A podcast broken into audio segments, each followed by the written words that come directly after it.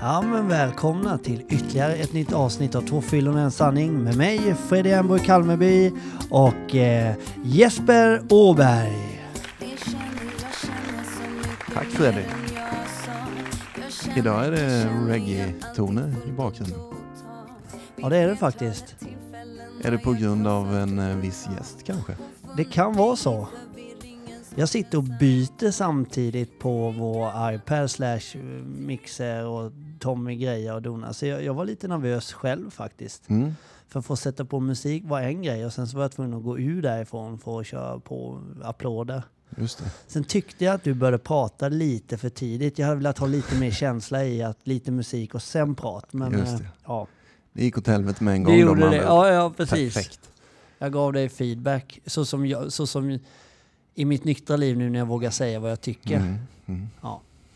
Vilken tur att jag släppte över där då till eh, min eh, högre kraft innan. Ja, Så det blir precis som det ska bli då. ja det är så. Ja, det är det. så. Ja. Hur, hur fan mår du då Jeppe? Jag mår bra. Jag ligger kvar på min sjua, kanske tenderar en åtta idag. Ja, det är så. Vi har ju haft ett litet, eh, en liten eh, kick-off, kan vi kalla det, konferens. Ja, ja, det har vi. Bara du och jag. Ja, En hel dag. jajamän, igår. Ja, Där vi fattade väldigt många goda beslut till poddens framtid verkligen. och gjorde lite riktlinjer. Ja, Vi men det, var- ja. ja.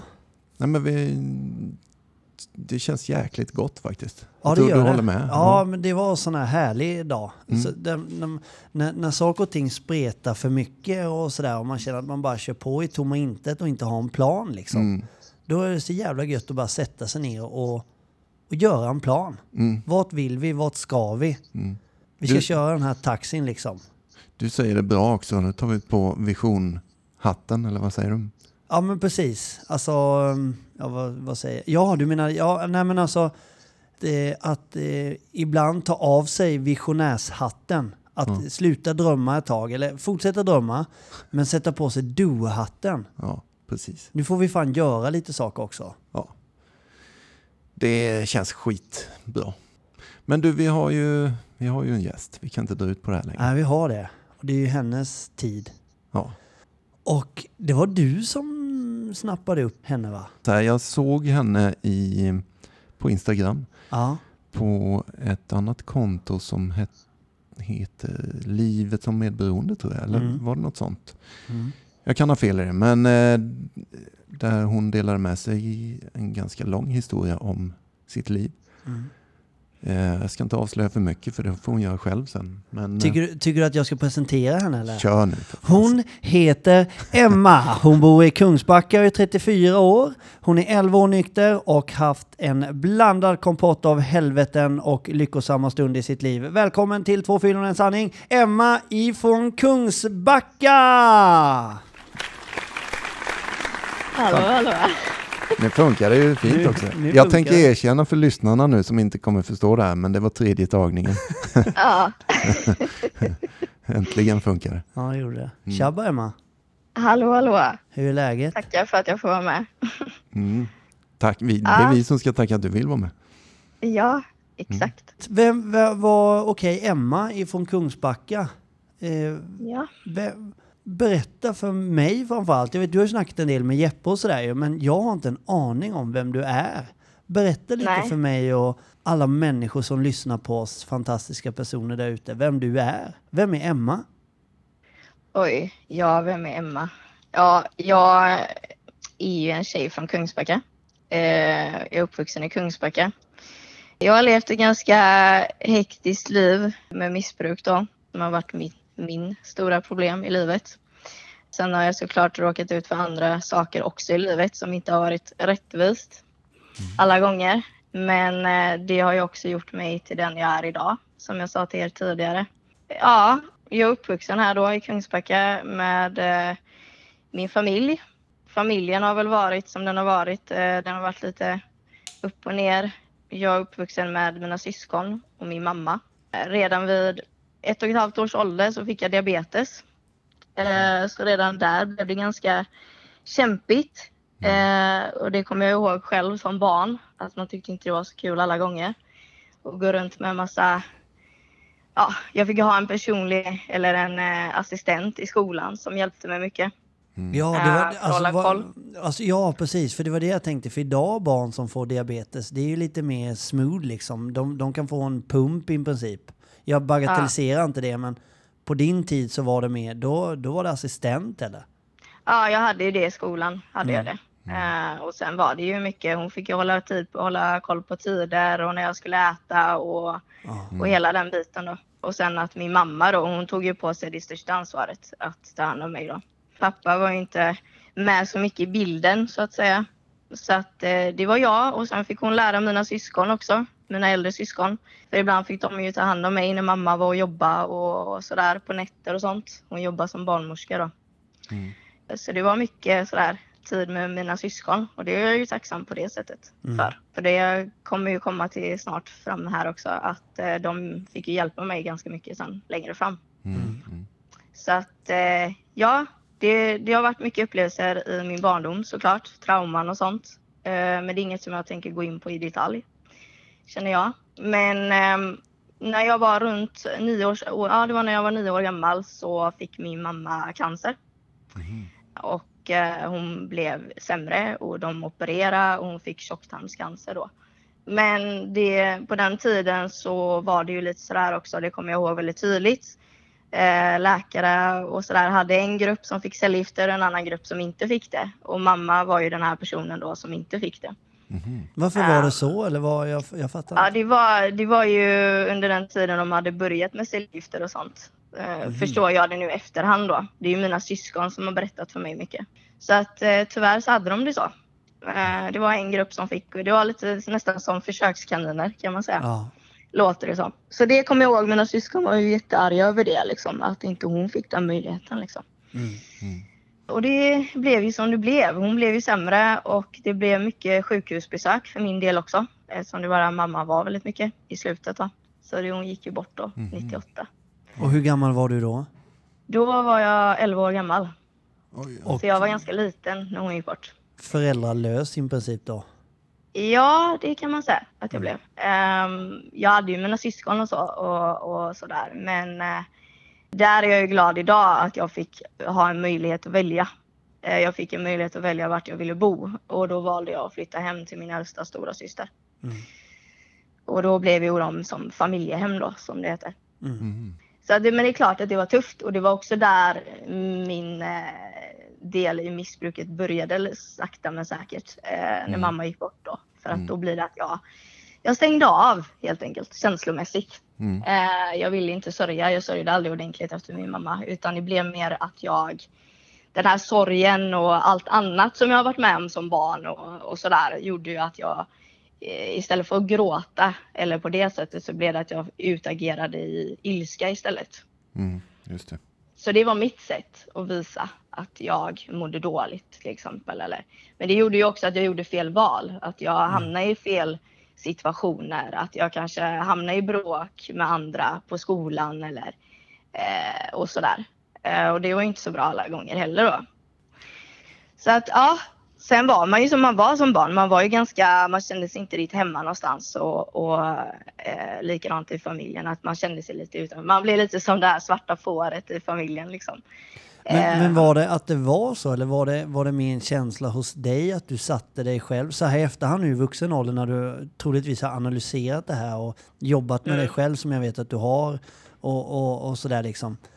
Satte du dig själv i den sitsen eller?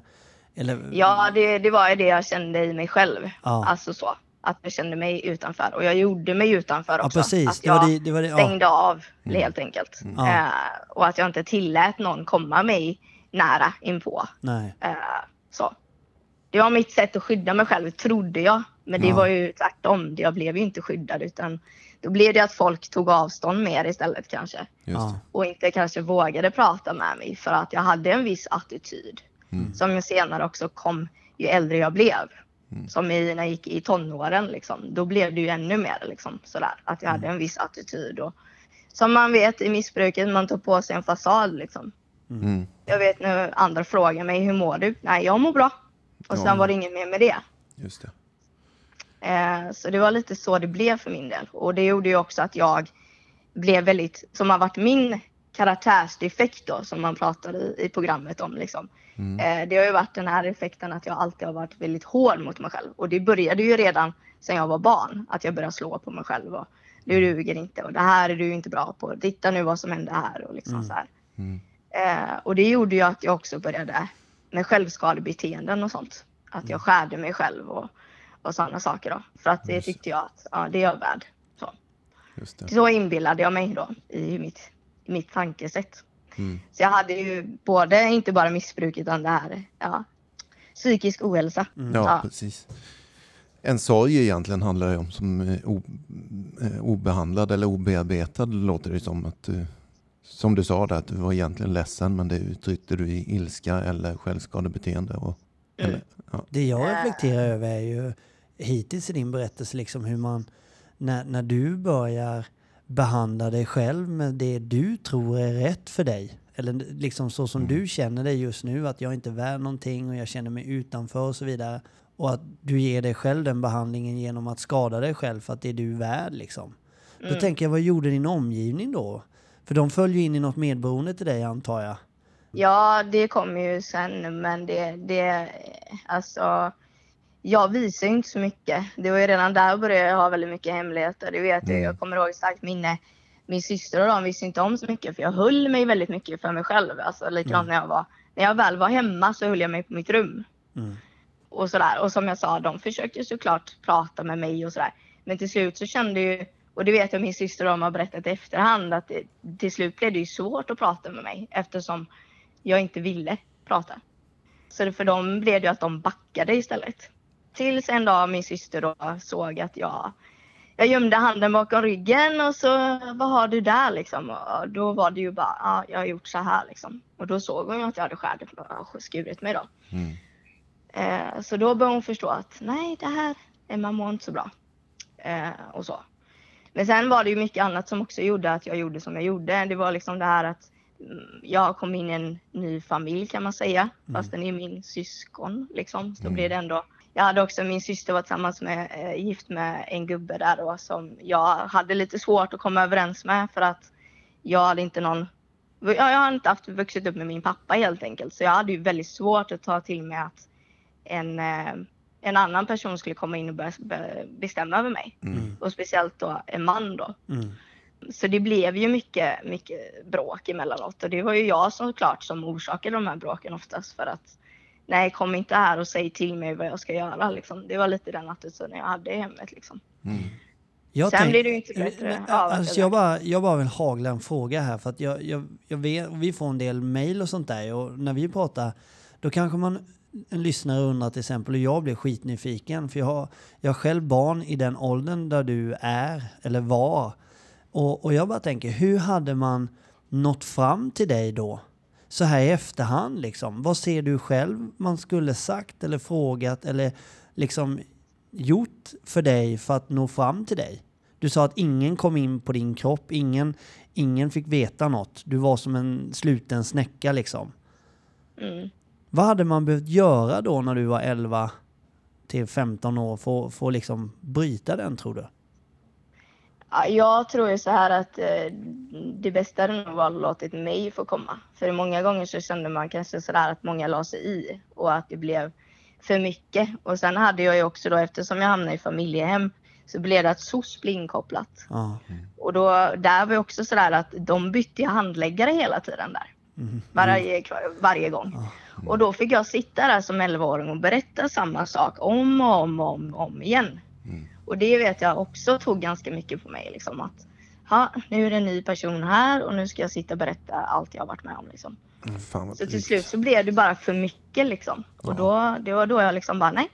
Fråga någon hur jag mår så säger jag bara att det är bra och sen säger jag Ja, precis. Jag orkar inte säga det igen. Nej. Mm. Så att eh, där blev det ju mycket av det, den delen också. Så jag tror att hade det kommit till mig nu så hade jag nog liksom sagt, sagt att jag vill gärna prata när jag känner att jag orkar prata. Mm, Eller någonting sånt. mm. Men det var inget jag tänkte på då. Utan Nej. det var liksom, jag var så blockerad så att jag, jag såg ju inte ens vad jag själv gjorde för fel ibland liksom. Utan det var bara att jag agerade på impuls många gånger också. Mm. Så att, eh, ja. Shit. Ja, men, sen, men sen, där är du i 11, 12, 13 års åldern eller vad är vi nu ungefär? Eller? Ja, nu, det, det blir ju när jag började med självskadebeteende var jag ju runt eh, 14 års åldern Mm, där. mm, Men första gången jag kom i kontakt med alkohol då, för det var det första jag kom i kontakt med, det var ju när jag var runt 12-13. Och det var, då såg jag ju de andra hade ju, vuxna hade ju druckit hemma och så, så jag tänkte ja men det här ska jag prova då. Mm, Eh, och det var liksom inte att jag tänkte att nu ska jag bli en beroende så fort jag drack liksom, utan det var ju bara för att Ja men de såg ganska avslappnade ut när de drack så det kanske kan hjälpa mig. Typ. mm. Lite den tanken liksom. Så att jag provade ju det men det var ju det äckligaste jag har druckit hela mitt liv liksom. Mm. man var ju inte så smart på den tiden heller. Nej, för liksom. jag- man jag tar ju förstår- det starkaste man kan Ja, hitta också. Och, Och, och jag, bara, jag förstår inte ens vad du pratar om. Inte gott. Det är trolldryck du pratar om. ja men det, då tyckte man inte det var gott. Nej. Det, man, liksom, man tänkte ju inte utan man bara tog någon flaska och bara ja men det här blir det säkert Ja. bra. Ja.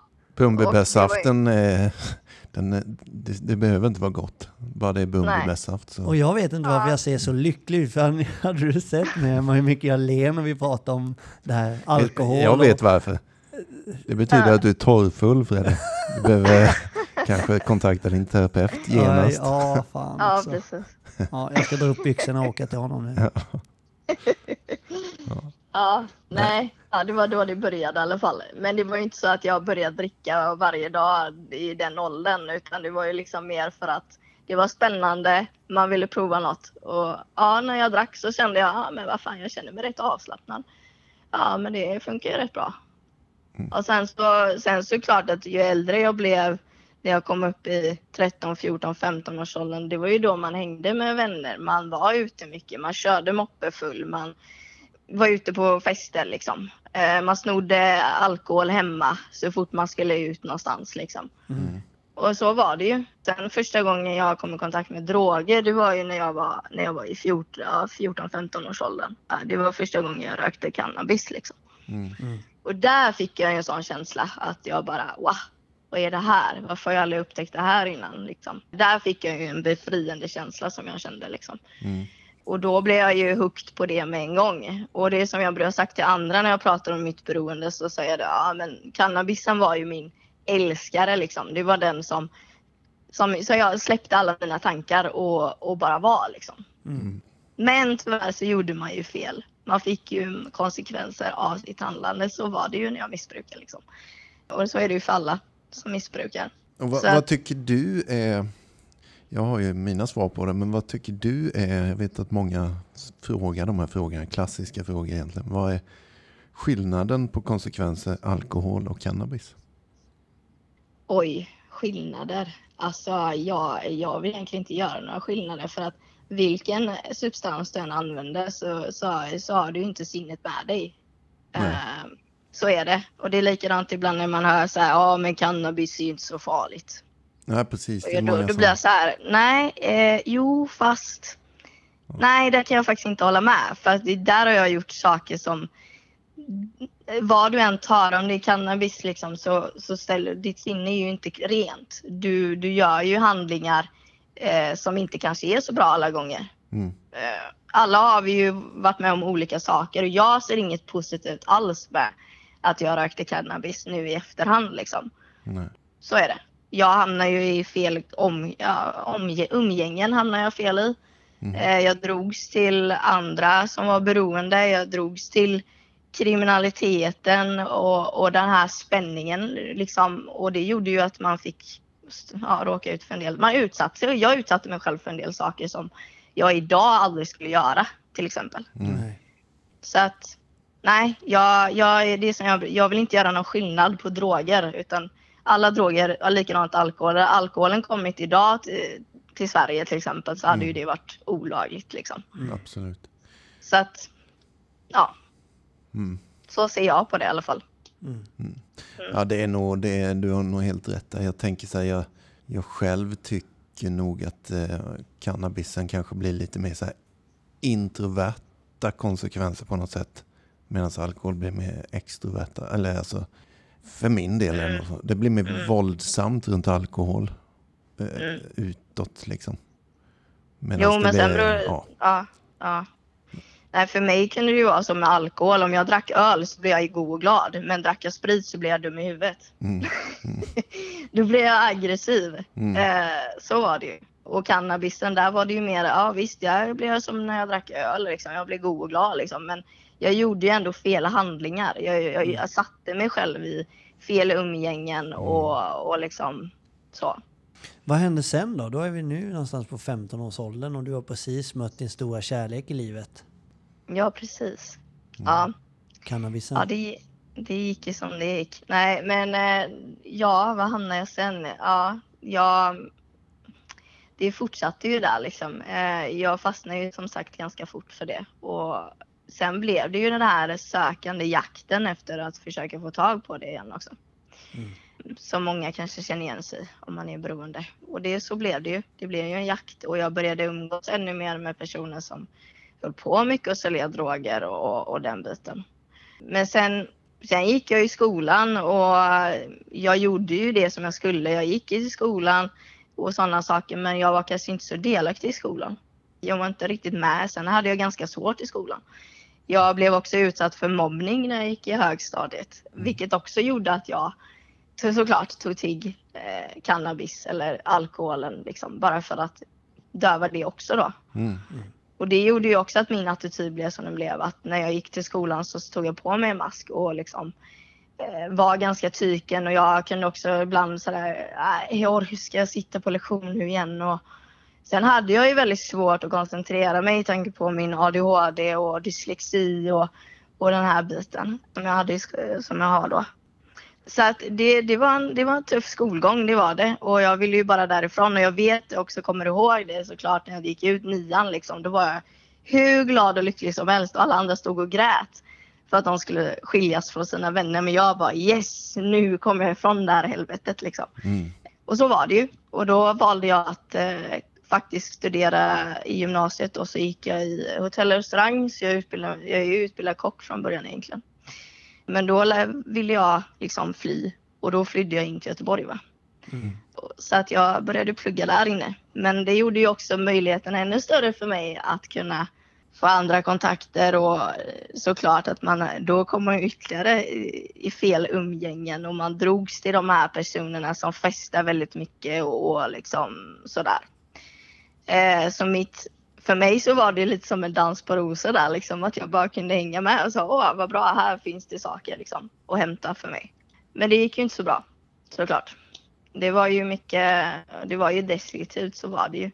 Och att jag fortfarande gick runt med det här tomheten och att jag inte, som jag kände som barn, att jag aldrig kände mig riktigt hemma någonstans. Jag hade ingen trygghet riktigt. Inte någon sån här. Sen var det jag ju själv såklart som jag sa där att jag valde ju att aldrig liksom riktigt vända mig till de vuxna och våga berätta hur jag egentligen mådde liksom. Så det var ju lite mitt egna fel också såklart. Men eh, Nej, för Ja. det, det är det jag känner att det hade ju inte varit egentligen lösningen då. För jag, fa, jag, jag fastnar i tänket när jag hör din historia.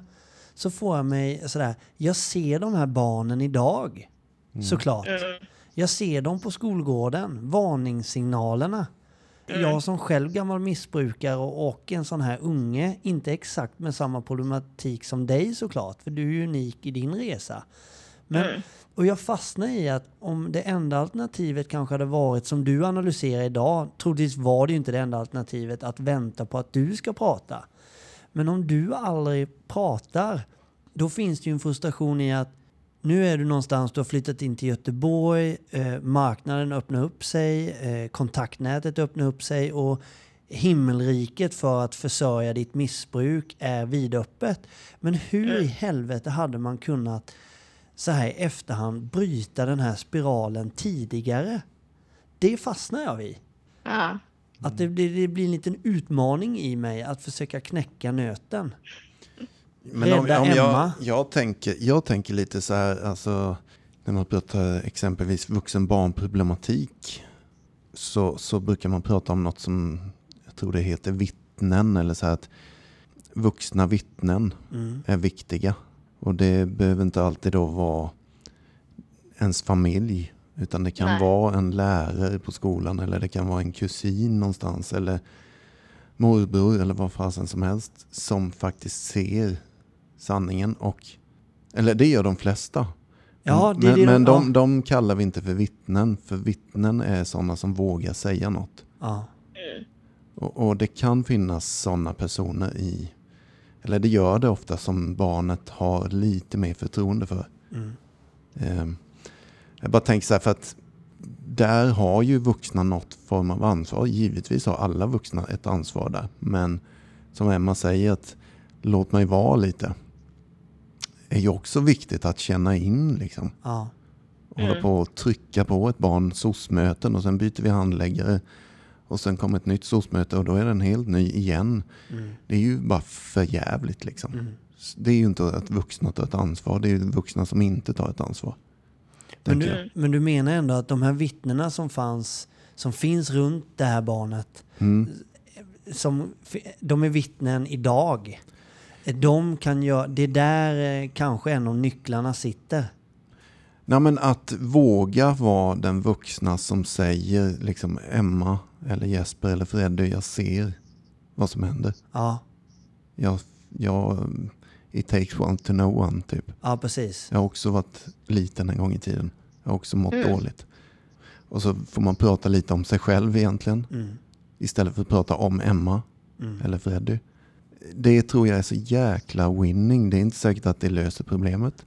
Men jag tror att det är bättre framgång än att byta handläggare för att det här kommer vi ingenstans med. Ja, och jag tror till och med det är bättre än att sin syster eller mamma eller pappa tjatar och, och liksom, där finns en annan relation på något sätt, en, en inbyggd mur. Mm. Där man lite kan köra sitt egna race. Mm. Men det kan du inte kanske mot det här nästa steg i cirkeln runt den liksom. Vittnena då. Men jag, jag tror att även en SOS-handläggare kan vara den viktiga personen. Helt hundra procent. Men då får man liksom inte säga att "Nej, jag kan inte komma till jobbet nu. Det får bli någon annan den här gången. Ja. Och sen så säger jag upp mig för att det här var för jobb. Alltså, eh, nu generaliserar, eller hittade jag på en egen variant där, men det får ju inte ske. Det är ju så jävla under all kritik liksom. Ja. Och det är klart, Mm. det finns ju hur grymma som helst på socialförvaltningarna runt om i Absolut. landet. Det vet jag om inte annat. Men just de här barnen som kanske sluter sig som snäckor när de sitter i de sammanhangen. Mm. Eh, ja. Ja, vi kör fast lite här kanske. Vi, vi, det är nog ingen av oss som har exakta svaret på det, men Nej, Jo, jag har det. Ja, kommer jag vet bara, jag vet bara att eh, de kanske skulle ha varit lite mer uppmärksamma. Så kan jag känna nu i efterhand när jag är vuxen. Det var likadant, de ställde ingen ADHD-diagnos på mig när jag var liten utan den diagnosen fick jag nu som vuxen istället. mm. Eh, jag vet att kanske hade jag fått lite mer hjälp där så kanske det hade hjälpt mig en bit på vägen också. Va? Mm. Men så var det inte. Och jag kände ju redan att jag var, när mamma gick bort där så blev det ju att jag kände att jag tog på mig en roll att nu måste jag växa, växa upp här och bli stor liksom helt plötsligt. Lite så att jag tog kanske för mycket ansvar i vissa lägen. Ehm, och sen att som jag sa att min familj såklart att de var ju upptagna i sin sorgprocess efter mamma liksom. Såklart. Och så, det är inget jag är arg på dem över, över idag liksom, utan det förstår jag ju liksom. Eh, men då som liten så blev det ju väldigt, ja, eh, hur ska jag göra nu då? Hur blir min framtid liksom? Jag visste ju ingenting. Och det gjorde ju att jag valde att gå min egna väg och den vägen blev, blev ju att jag drogs in i missbruk liksom. För Mm. att när jag använde så behövde jag inte känna något. Då blev det att jag stängde av ännu mer och bara körde på och sket i Ja, eh, dör jag imorgon så dör jag imorgon, fine liksom. Mm. Ungefär så tänket hade man liksom. Det, är- det är ju Ja. också en utväg från att slippa känna. Det är att dö. Alltså, Mm. Drastiskt men sant. Ja. Det är så jävla hemskt men så är det.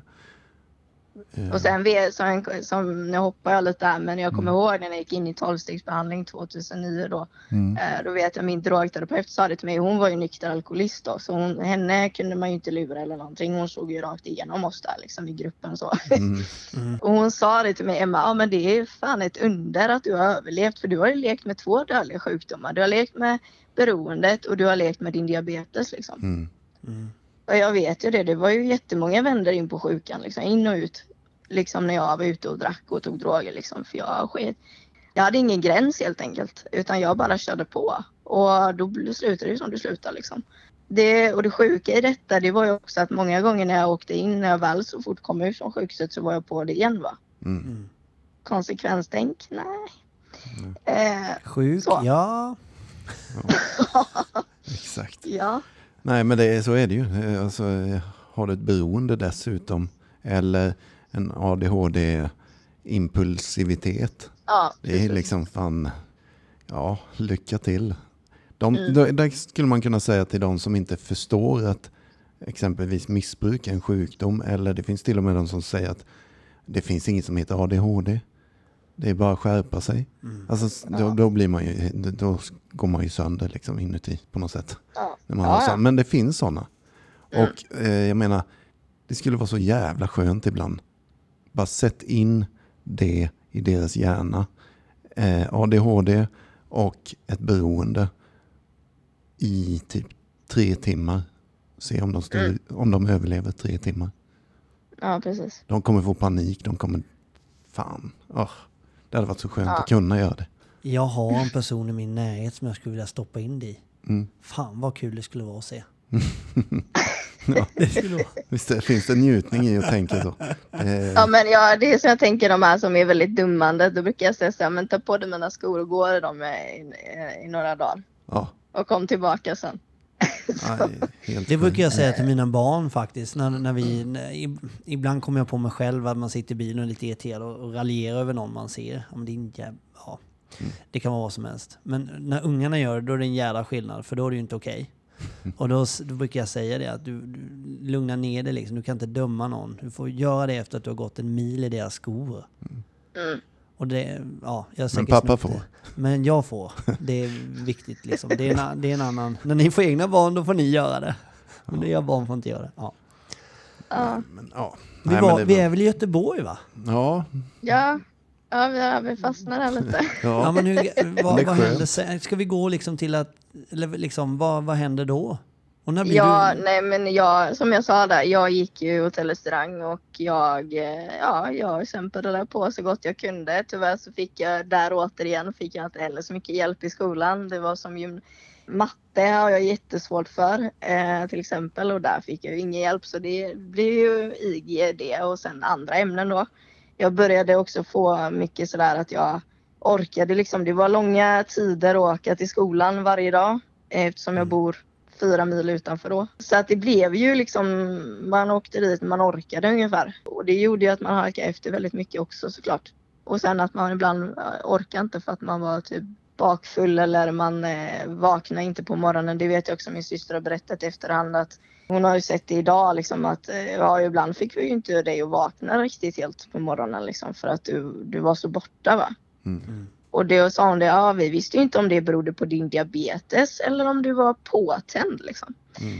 Eh, Så här, va. Så det var ju mycket sånt som gjorde att skolan gick ju dåligt igen liksom. Visst, jag tog studenten. Det gjorde jag. Men det var liksom inte... Jag kände mig inte direkt stolt över mig själv liksom. Så, det gjorde jag Nej. mig ju inte. Nej. Nej. Och sen att jag också jobba i, inom den branschen som det är inom hotell och restaurang. Där är det mycket suppande alltså. Mm. Mm. Vi, Ja. vi har ju en eh, terapeut som är med oss ibland som vi kallar för sanningen. Två fyllon och en sanning. Vi ringer ju honom Ja. lite då och då. Och han körde ju samma som du. Hotell och restaurang och med inriktning bar. Så, Mm. alltså, det, var- det var ingen slump att han valde det i gymnasiet. Det Ja. brukar vi skoja om. Nej men det, det är ju klockrent. Alltså, det, den miljön är ju perfekt för en sån människa. Tycker man då. Mm.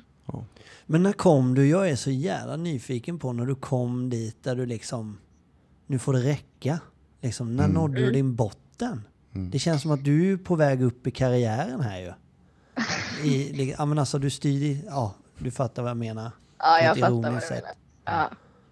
Nej, alltså ja, jag tog ju studenten när jag var 18, 19 var man då. Och liksom det var ju då det började eskalera som bara den för att eh, jag hade ju redan börjat eh, mitt beroende på sitt sätt. Och eh, det gjorde ju också att när jag väl tog studenten så blev det liksom, jaha vad ska jag göra nu då?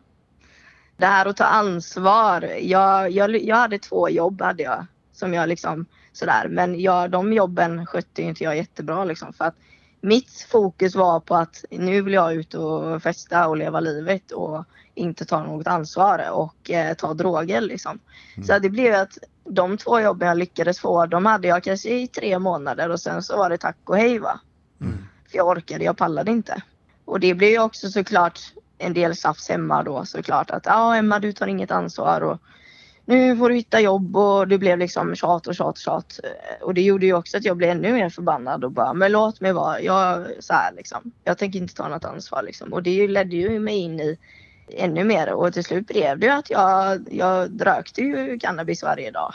Och jag drack nästan i stort sett varje dag för att man inbillar ju sig att ja, men jag kan inte gå utanför dörren om inte jag har rökt eller om jag inte har druckit något. Liksom.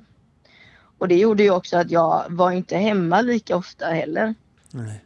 Utan jag bodde ju, det var som att jag var hemlös kan man säga nästan fast jag ändå hade ett hem. Utan jag valde ju att vara i Göteborg och hänga med de personerna där istället.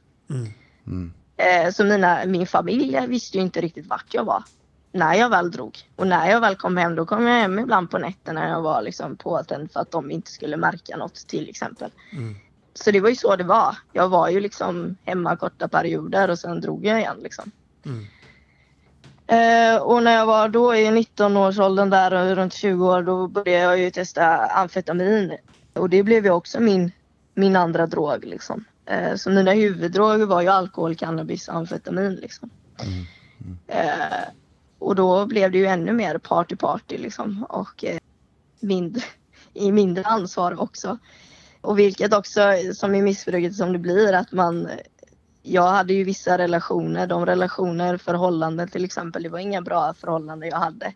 De förhållanden jag hade i mitt missbruk, det var ju liksom killar som jag visste att ja, men de här missbrukar, vad bra, då kan jag få det jag vill av dem. Mm. Jag utnyttjade dem på det sättet. Liksom. Jag, man har ju utnyttjat sårat människor, så är det ju i missbruket. Mm. Liksom, bara för att få röken och holk. Liksom. Mm. Ja, men, ja, men jag, jag säger att jag tycker om honom så, så får jag det jag vill ha. Liksom. Mm. Och de kanske dig också gör? Mm. Ja men det var ju så, man mm. bytte ju liksom. Ja, du kan få lite sex av mig. Ja vad bra tack. Typ. Precis. Och så, ja. så var det ju. Ja. Eh, att man utnyttjar sig själv i många lägen. Mm. Mm. Ja, vad fan. Men och... Får jag bara säga en ja. sak först Jeppe? Ja. För typ 20 minuter sen så, där så pratade vi konsekvenser och vi pratade liksom eh, cannabis kontra alkohol och sådär. Mm. Grabbar och tjejer idag säger att ja, men cannabis är inte så farligt och här, i USA så gör man det. Där får du mm. till och med köpa i butiken så borde vi ha det här för det är inga konsekvenser som alkohol. Och, mm. eh, vad jag hör här Emma så börjar du med en romantisk joint någonstans och flydde iväg och känner lite nice. Mm. Nu är vi på betydligt tyngre droger. Vi är ja. där du liksom erbjuder din kropp mot att få droger. Vi är i ett liv som fullständigt håller på att gå åt helvete. Ja, ja. På tal om att det är väl inte så farligt med en joint. Mm. Mm. Typ. Ja men Där har vi ju svaret. Det, blir det ju så också att man, eh, ju mer man använder en viss drog ju mer avtar ju den här ja. känslan att wow, och då blir det att man, nej nu måste jag börja prova någonting annat liksom. Mm. Man byter ut en drog till ett annat, till som man brukar säga. Men eh, ja, så var det ju. Och det, sen fanns ju alltid cannabisen med. Den, den släppte jag ju aldrig liksom. Så. Mm. Som jag sa, den var ju min number one liksom. Mm. Men sen var det ju så med amfetaminet att såklart, det blir man ju liksom woho, på. Mm. Mm. Och där blev jag god och glad liksom. Mm. Uh, och gjorde ännu mer skeva beslut och, och liksom sådär va. Och som jag sa, det är ju så att man dras ju till personer som själva lever ett liv som inte är bra liksom. Och det ledde ju till det ena och det andra och jag började också sälja droger. Bara för att jag själv skulle få in till mig själv liksom. Mm.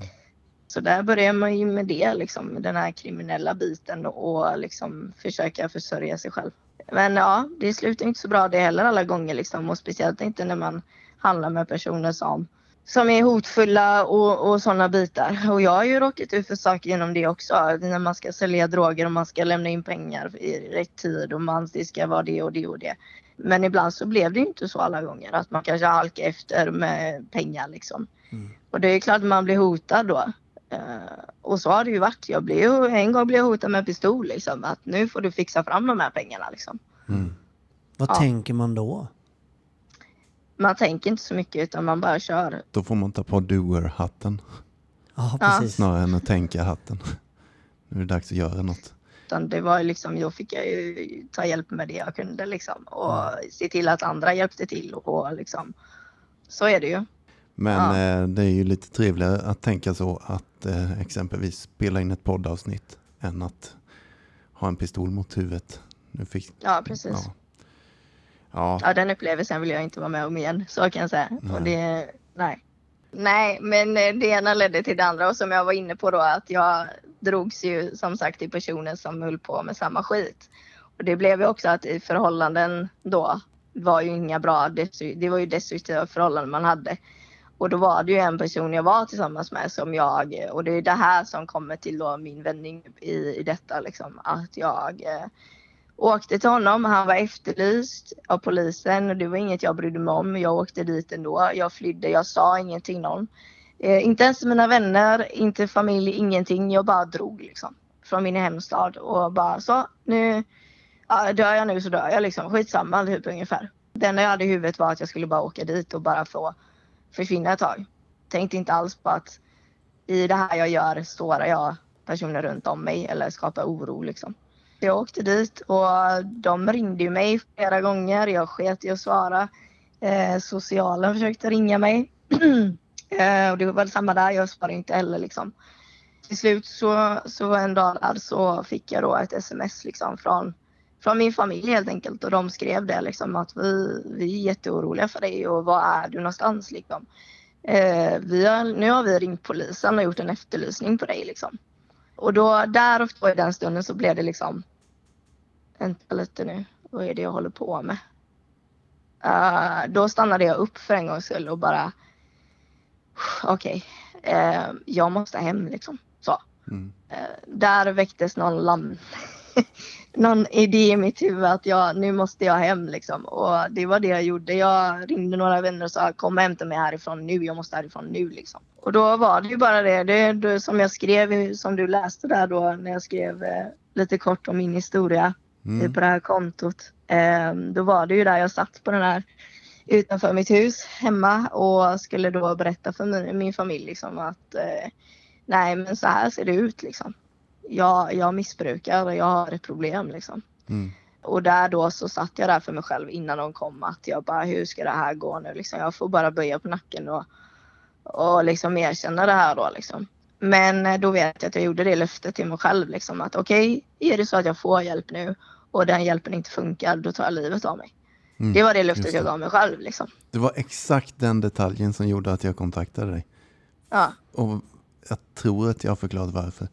Jag, Jo. jag tror att jag har gjort det i podden också. Det var typ exakt samma ord i mitt huvud. Funkar Mm. det inte, då dör jag. ja. Så att det här måste funka nu. Mm. Men det jag inte visste då, det var ju att det löftet gjorde ju att jag drog framåt. Jag vågade, jag tog Ja. steget. Eh, och det, är ju, det låter sjukt kanske, men idag är jag tacksam för det. Liksom, för Mm. att det fick mig ändå att okej, jag får väl göra det här då. Liksom. Och jag erkände för dem. Och, och då blir SOS inkopplat igen och jag berättade, jag fick träffa min handläggare då som jag hade under några år och det är ju tack vare henne. Hon är jag tacksam för idag. Mm. För hon hade jag i många år och hon push, försökte hjälpa mig så gott det gick men jag lyssnade ju inte. Men när hon sa så här, Emma vi har ett program här för dig. Ett tolvstegsprogram. Är du intresserad? Alltså så. Mm. Ja, ja okej, ja jag får väl göra det då. Liksom, så. Mm. Eh, jag hade inte så mycket annat att välja på. Och eh, jag satt ju inte på behandlingshem eller någonting utan jag gick ju upp en vårdsbehandling då. Mm. I min hemstad. Så där började jag ju då lite smått att gå. Eh, det var ju tre gånger i veckan som man fick gå dit, sitta i grupp med andra beroende och, och dela med sig. Eh, och jag kommer ihåg ett starkt minne där. Det var att då skulle jag sitta och skriva ner min life story precis som jag gör nu när jag sitter och berättar. att det var första gången jag började gråta faktiskt. Jag skulle sitta där och berätta allting för dem. Så där började min, en utav min, min ändring i mitt liv liksom. Att jag faktiskt vågade sitta där och bara så släppa ut de där känslorna liksom. Eh, sen tog sig det ett tag. För att ena sidan av mig ville sluta, andra sidan av mig ville inte sluta. Mm. Jag hade väldigt svårt att säga att jag var narkoman och alkoholist. Mm. Det kunde jag inte utan det var liksom nej, nej. Så. Och det slutade med att jag gick ut och tog ett återfall i behandlingen. Mm. Men det återfallet är jag tacksam för idag för det fick mig att förstå att när jag väl har börjat så finns det inget stopp liksom. Nej. Och det, det har ju gjort att jag började, fick ett mer öppet sinne. Jag erkände och som jag sa till den här drogterapeuten, det gick inte att ljuga för henne. Hon såg ju rakt på mig att Emma, du, du behöver inte hitta på här nu. Jag ser att du har varit ute liksom. Jag märker det på dig. Mm. Och då blev det så här, okej hon, hon fattar mig liksom. Så henne är jag jättetacksam för, för hon fick mig att öppna mig mer. Mm. Och att jag också i behandlingen fick se alla mina konsekvenser jag har gjort. Liksom. Jag fick möta det där. Jag blev liksom, det var som att sitta i en skamvrå och bara, aj, har jag gjort allt det här liksom? Nu i efterhand så tycker jag ju det är bra, för det är, det är någonting jag använder av idag. Liksom att när jag ibland får, många frågar mig, ja ah, men nu har du varit drogfri så länge, då är det väl inga problem längre? Nej, jag har inga sug eller abstinens eller på det sättet. Men jag kan fortfarande få tankar på droger. Bara för att jag har slutat så har ju inte min beroendepersonlighet försvunnit. Den kommer alltid finnas där. Mm. Men och, och ibland kan jag få tankar på droger. Mm. Så är det ju. Och då har jag ju lärt mig det. Så fort jag får de här tankarna i mitt huvud då spelar jag upp det här bandet. Vad händer om jag går ut och knarkar? Jo, det här händer liksom. Och då blir det ju liksom konsekvenserna. Ja. Mm. Så då stannar jag där och då släpper jag den tanken lika snabbt. Mm. Så där är jag ju jättetacksam för programmet. Att man får de här verktygen till att hur ska jag handskas med de här tankarna, destruktiva tankarna liksom. Mm. Eh, och det är ett sätt för mig som har funkat liksom. Sen då också de här tolvstegsmötena. Eh, att jag fick börja gå i det när jag gick i behandling. Nu, nu blev vi, man blir nästan lite tvungen liksom att nu måste ni börja gå på två möten i veckan liksom. Mm. Ja okej, ja ja, jag gör väl det då liksom. Man var ju väldigt skeptisk och det, det vet jag andra jag har pratat med som också säger ja men det, det är så mycket prat om Gud. Mm. Ja, de tankarna hade jag också när jag gick på mina första möten att nej vad är det här för sekt? Mm. Vad är det, ska jag bli kristen nu eller vad är det här liksom? Mm. Men där så det som fick mig att fortsätta gå det var att jag kände igen mig i de andra. Jag kände, jag kände mig accepterad och respekterad och jag kände att den här personen som sitter i andra hörnet sitter och säger precis det jag tänker liksom. Mm. Eh, och det skapade en trygghet i mig. Och det gjorde att jag fortsatte gå och till slut så blev det att jag började se på steg ett och steg två och tre och alla de här stegen liksom. För Mm. att våga möta mig själv och det är jag ju enormt tacksam för att jag vågar idag. Känna mina känslor, det är det jag, jag har lärt mig att hands- handskas med det och att jag vågar tillåta mig själv känna mig ledsen, arg, glad, eh, vad det än är. Eh, utan att jag behöver fly ifrån det längre. Och att om någon frågar mig idag, hur mår du Emma? Nej, jag mår skit idag faktiskt. Jaha. Jag, och då kan jag stå ärligt och säga det istället för att, nej men det är bra. Så att det är mycket jag har lärt mig från programmet eh, och stegen att eh, idag vet jag vem Emma är. Jag Och att jag också har fått veta mina defekter. Vad är det som gör att jag gör de sakerna jag gör ibland liksom. Mm.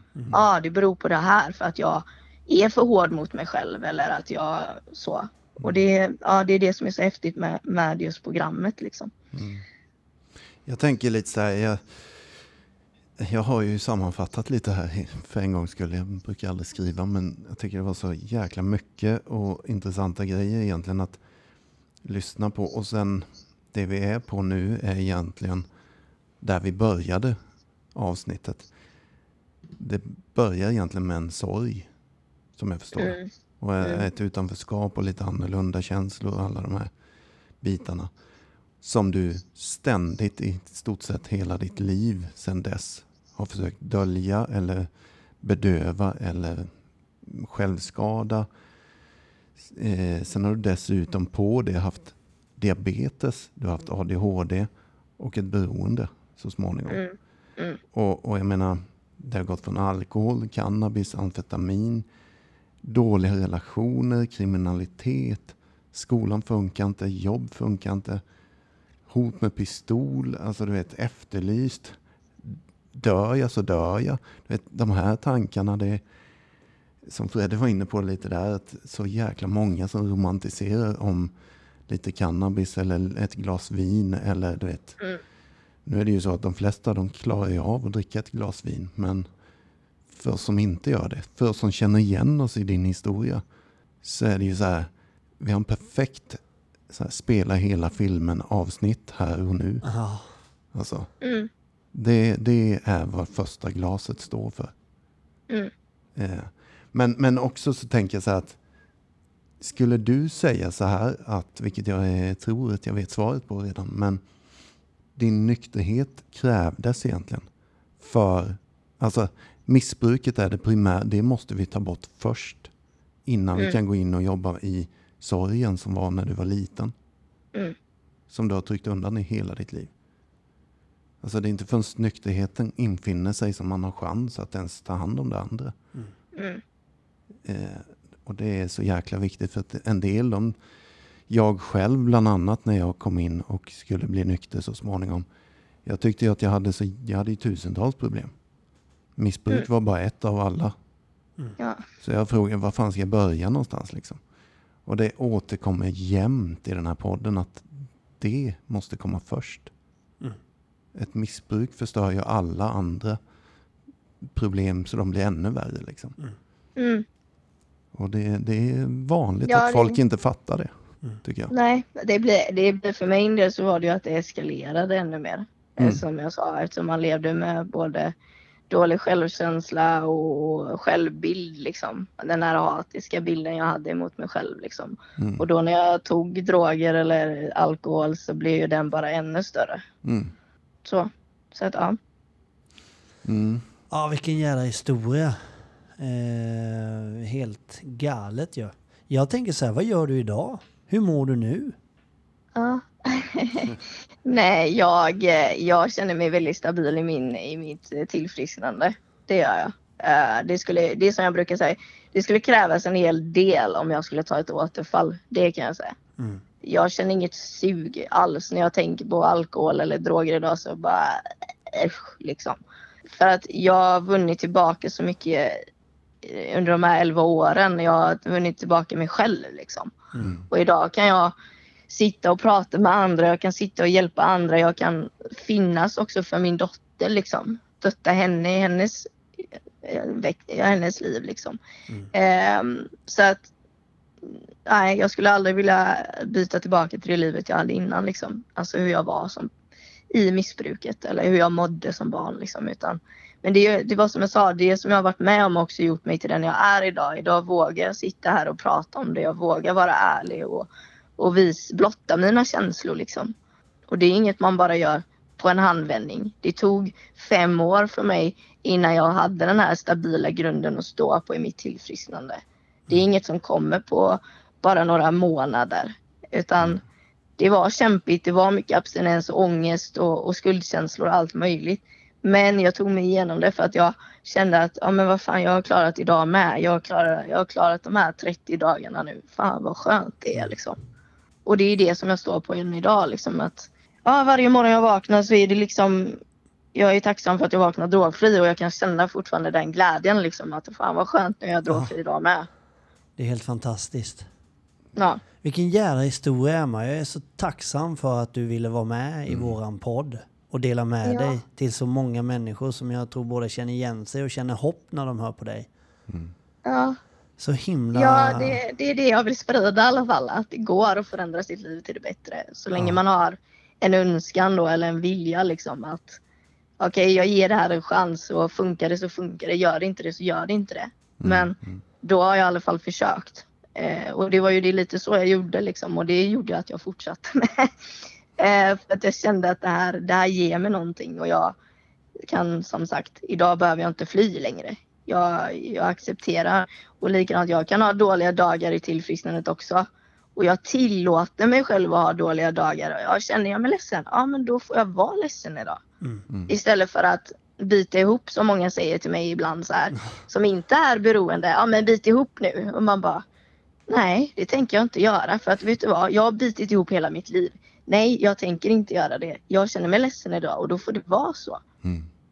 Helt Eh, ja, lite så, så tänker jag.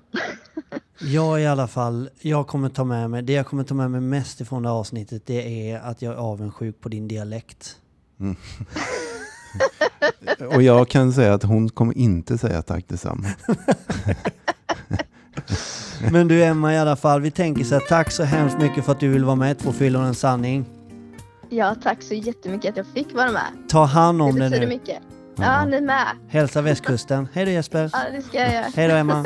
Hej då. Hej då. jag sa Jag känner, jag allting fullt och totalt Vid flertalet tillfällen har jag krossats brutalt och funnit mig i förvirringens hopplösa kval Tänk